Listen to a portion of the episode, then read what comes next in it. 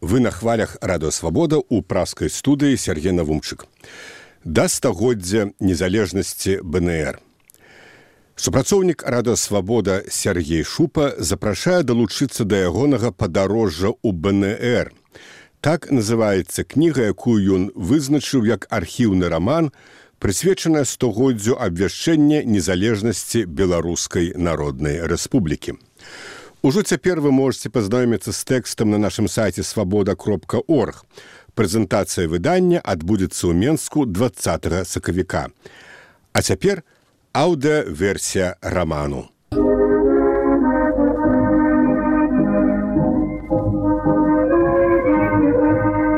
Падарожжа ў БНР з Сергеем Шупам.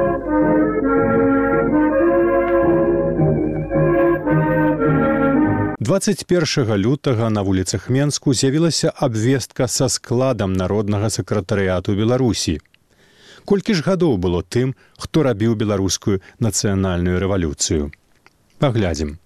Язэп варонка, старшыня народнага сакратарыяту, народны сакратар міжнародных справаў 26 гадоў. Аркадь Смоліч, народны сакратар прасветы 26 гадоў. Яфім Бялевіч, народны сакратар справядлівасці 28 гадоў. Іван Серада, народны сакратар народнай гаспадаркі 38 гадоў. Палута Бадунова, народная сакратарка апекі 32 гады. Пётра Крачеўскі, народны сакратар кантролю 38 гадоў. Тамаш Грыб, народны сакратар земляробства 22 гады. Кастусь Езавітаў, упаўнаважаны вайсковых справаў 24 гады. Лявон заяц загадчык справаў народнага сакратарыяту 27 гадоў. У спісе былі яшчэ пяць народных сакратароў, але яны неўзабаве пакінулі народны сакратарыят і звестак пра гады іх нараджэння знайсці не ўдалося. Дык вось сярэдні век усіх астатніх 29 гадоў. Тут варта згадаць і пра віленскіх патрыярхаў беларускага руху. Антону Луцкевічу было на той момант 34 гады, Івану Луцкевічу 36 гадоў, Вацлаву ластоўскаму 34 гады. Яшчэ аднаму будучаму прэм'еру ўраду БНР Александру Цвікевічу у лютым 18 было 29. А найстарэйшым бнраўцам у той момант быў скарбнік народнага сакратарыяту Васіль Захарка. Яму было 40 гадоў. Падчас усіх абмеркаванняў моўнага пытання на розных прадстаўнічых форумах, сходах і з'ездах 17-18 гадоў амаль кожны аратар лічыць патрэбным адзначыць ролю беларускай мовы ў вялікім княстве літоўскім. Тэма слаўнай мінуласці беларускай мовы праходзіць чырвонай ніткай параз усе грамадска-палітычныя дыскурсы тых гадоў. У рэзалюцыі культурна-прасветнай секцыі ўсебеларускага з'езду пра гэта гаварылася так. З розных неспрыяльных гістарычных прычынаў наша народная беларуская мова, што ляжыць у аснове той пісьмовай мовы, якая служыла некалі ў літоўска-рускай дзяржаве літаратурнай і афіцыйнай мовай, і на якой напісана мноства ацалелых літаратурных помнікаў, не магла аднак атрымаць належнага развіцця літаратурныя апрацоўкі і пашырэння і на працягу многіх стагоддзяў заставалася толькі размоўнай мовай пераважна сельскага насельніцтва. Падкасты радыёвабода. Падарожжа ў БНР з Сергеем Шупам.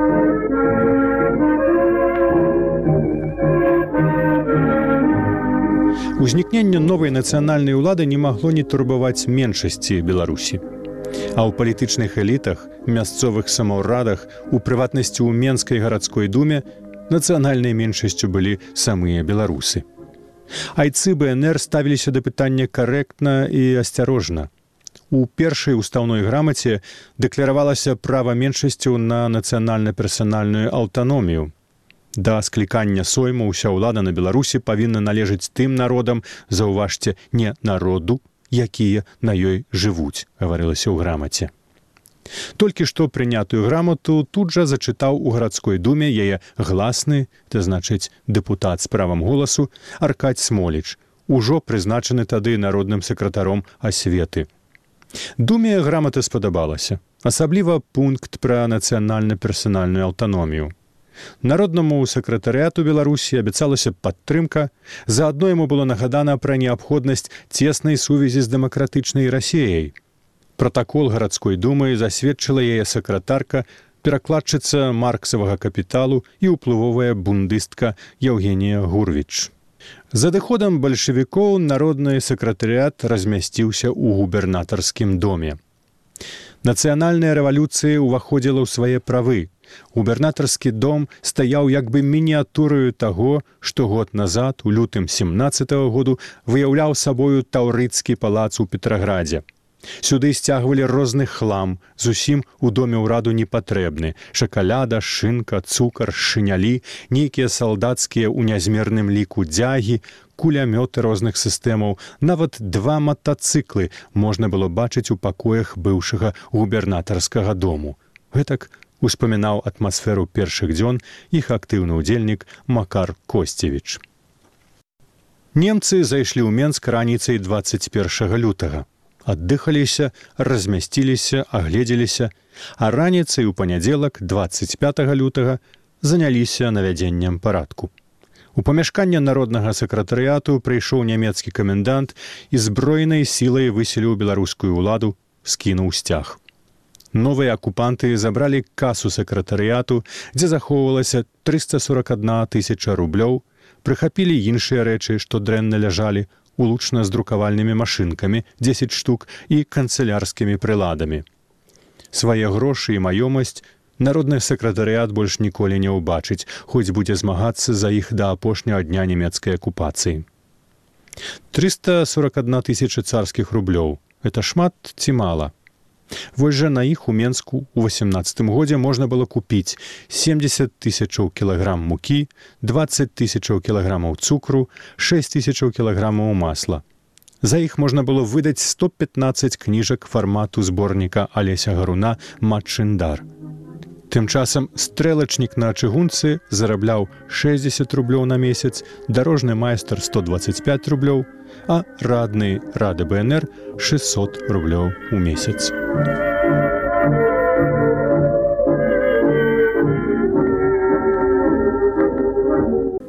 Як нагул Менск зрабіўся сталіцай БНР. Бо ж у кантэксце новага беларускага адраджэння пачатку два стагоддзя Менск у нацыянальна-беларускім сэнсе быў глухой правінцыяй. Ні беларускіх газетаў, ні культурнай эліты, ні палітычных тусовак, бо ўсё гэта жыло ў вільні. Сталіцыю Менск зрабілі немцы. Ну, вядома ж, яны пра гэта і не здагадваліся, але ўсё вызначала лінія, на якой у верасні 1915 году спыніўся нямецкі наступ. Гэтая лінія адрэзала вільню ад этнаграфічнай беларусі і таму ў наступныя два гады беларуская палітычная ферментацыя перамясцілася ў менск. Калі б немцы спыніліся на тыя пару гадоў ад 15 до 18 на захад ад вільні незалежнасць беларусі хутчэй за ўсё была б абвешчаная там а незалежнасць літвы у коўня Яшчэ ў 1917 ва ўсіх беларускіх рэзалюцыях, адозвах, мемарандумах, у шырокім грамадскім дыскурсе вільня лічылася сваёй.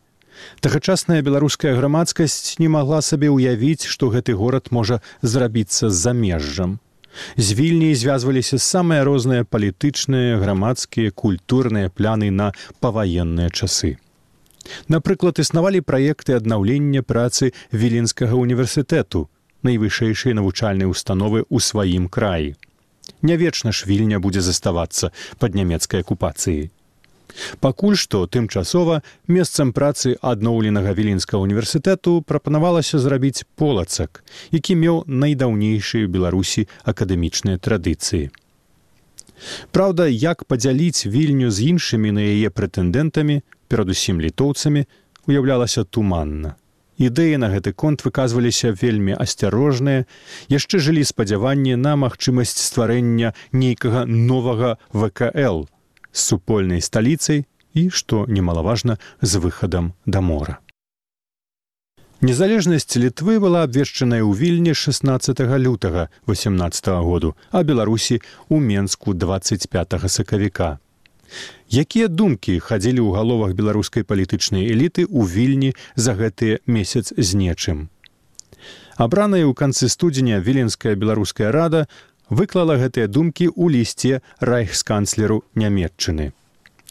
Рада просит ваше превосходительство повергнуть к стопам его величества германского императора выражение глубокой благодарности белорусов оккупированных областей за признание Литвы самостоятельным свободным государством, усматривая в этом признании первый шаг к осуществлению заветных стремлений белорусского народа к восстановлению свободного и самостоятельного Великого княжества Литовского. До гэтай мэты піша Антон Луцкевич з паплечнікамі, скіраваныя ўсе думкі і імкненні беларускага народу па гэты і па той бок штучна створаныя мяжы. Беларусы зварачалі ўвагу райхсканцлера на тое, што літоўцы ў літве у межах вялікага княства літоўскага складаюць усяго каля 40 процентаў насельніцтва, а таму не могуць лічыцца прадстаўніцтвам усяго краю. Райхсканцлер гэты ліст праігнараваў, нічога не змянілася і гэтак надзея адраджэння вКл памерла апошняй літаральна напярэдадні 25 сакавіка. Падкасты радыёвабода падарожжа ў бнр з сергеем шупам на ўзбраенні бнр сярод усяго іншага была і доўгаклінковая колюча-сякучая халодная зброя, пазначаная ў архіўных дакументах як шашка менскага казначейства. А сёмай гадзіне раніцы 21 лютага у гэтыя два дні паміж бальшавікамі і немцамі, мабыць, ніхто горадзе і не клаўся спаць.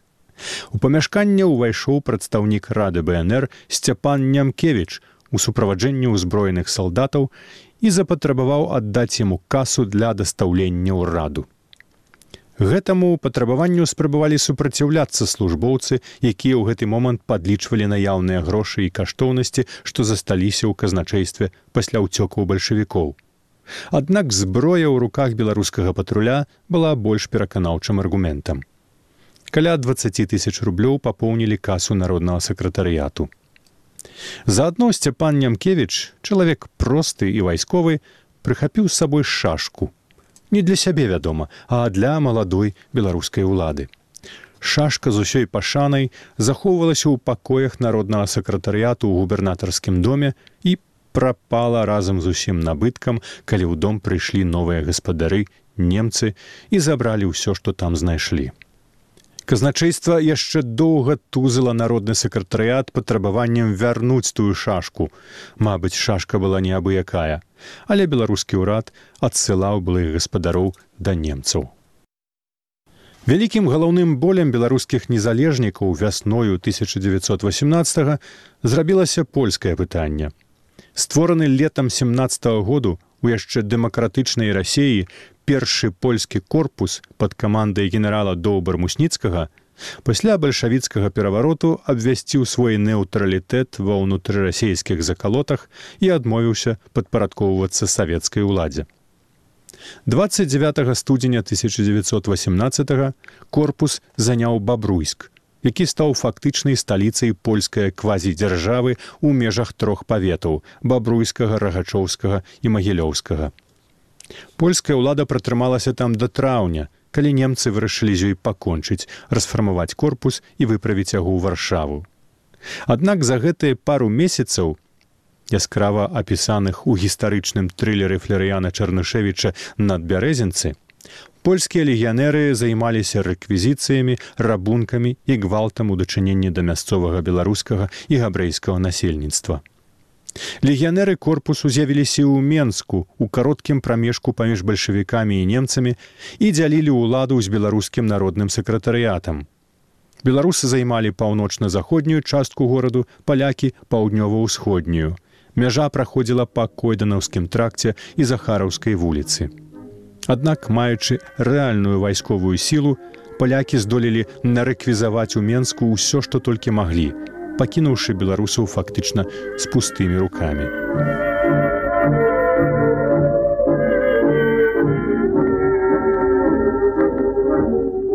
Выслухалі падкаст радыёвабода. Наступны выпуск праз тыдзень. Усе падкасты свабоды ў інтэрнэце на адрасе свабода кропка орг. Штодня у любы час у любым месцы. калі зручна вам. Свабода кропка орг. Ваша свабода.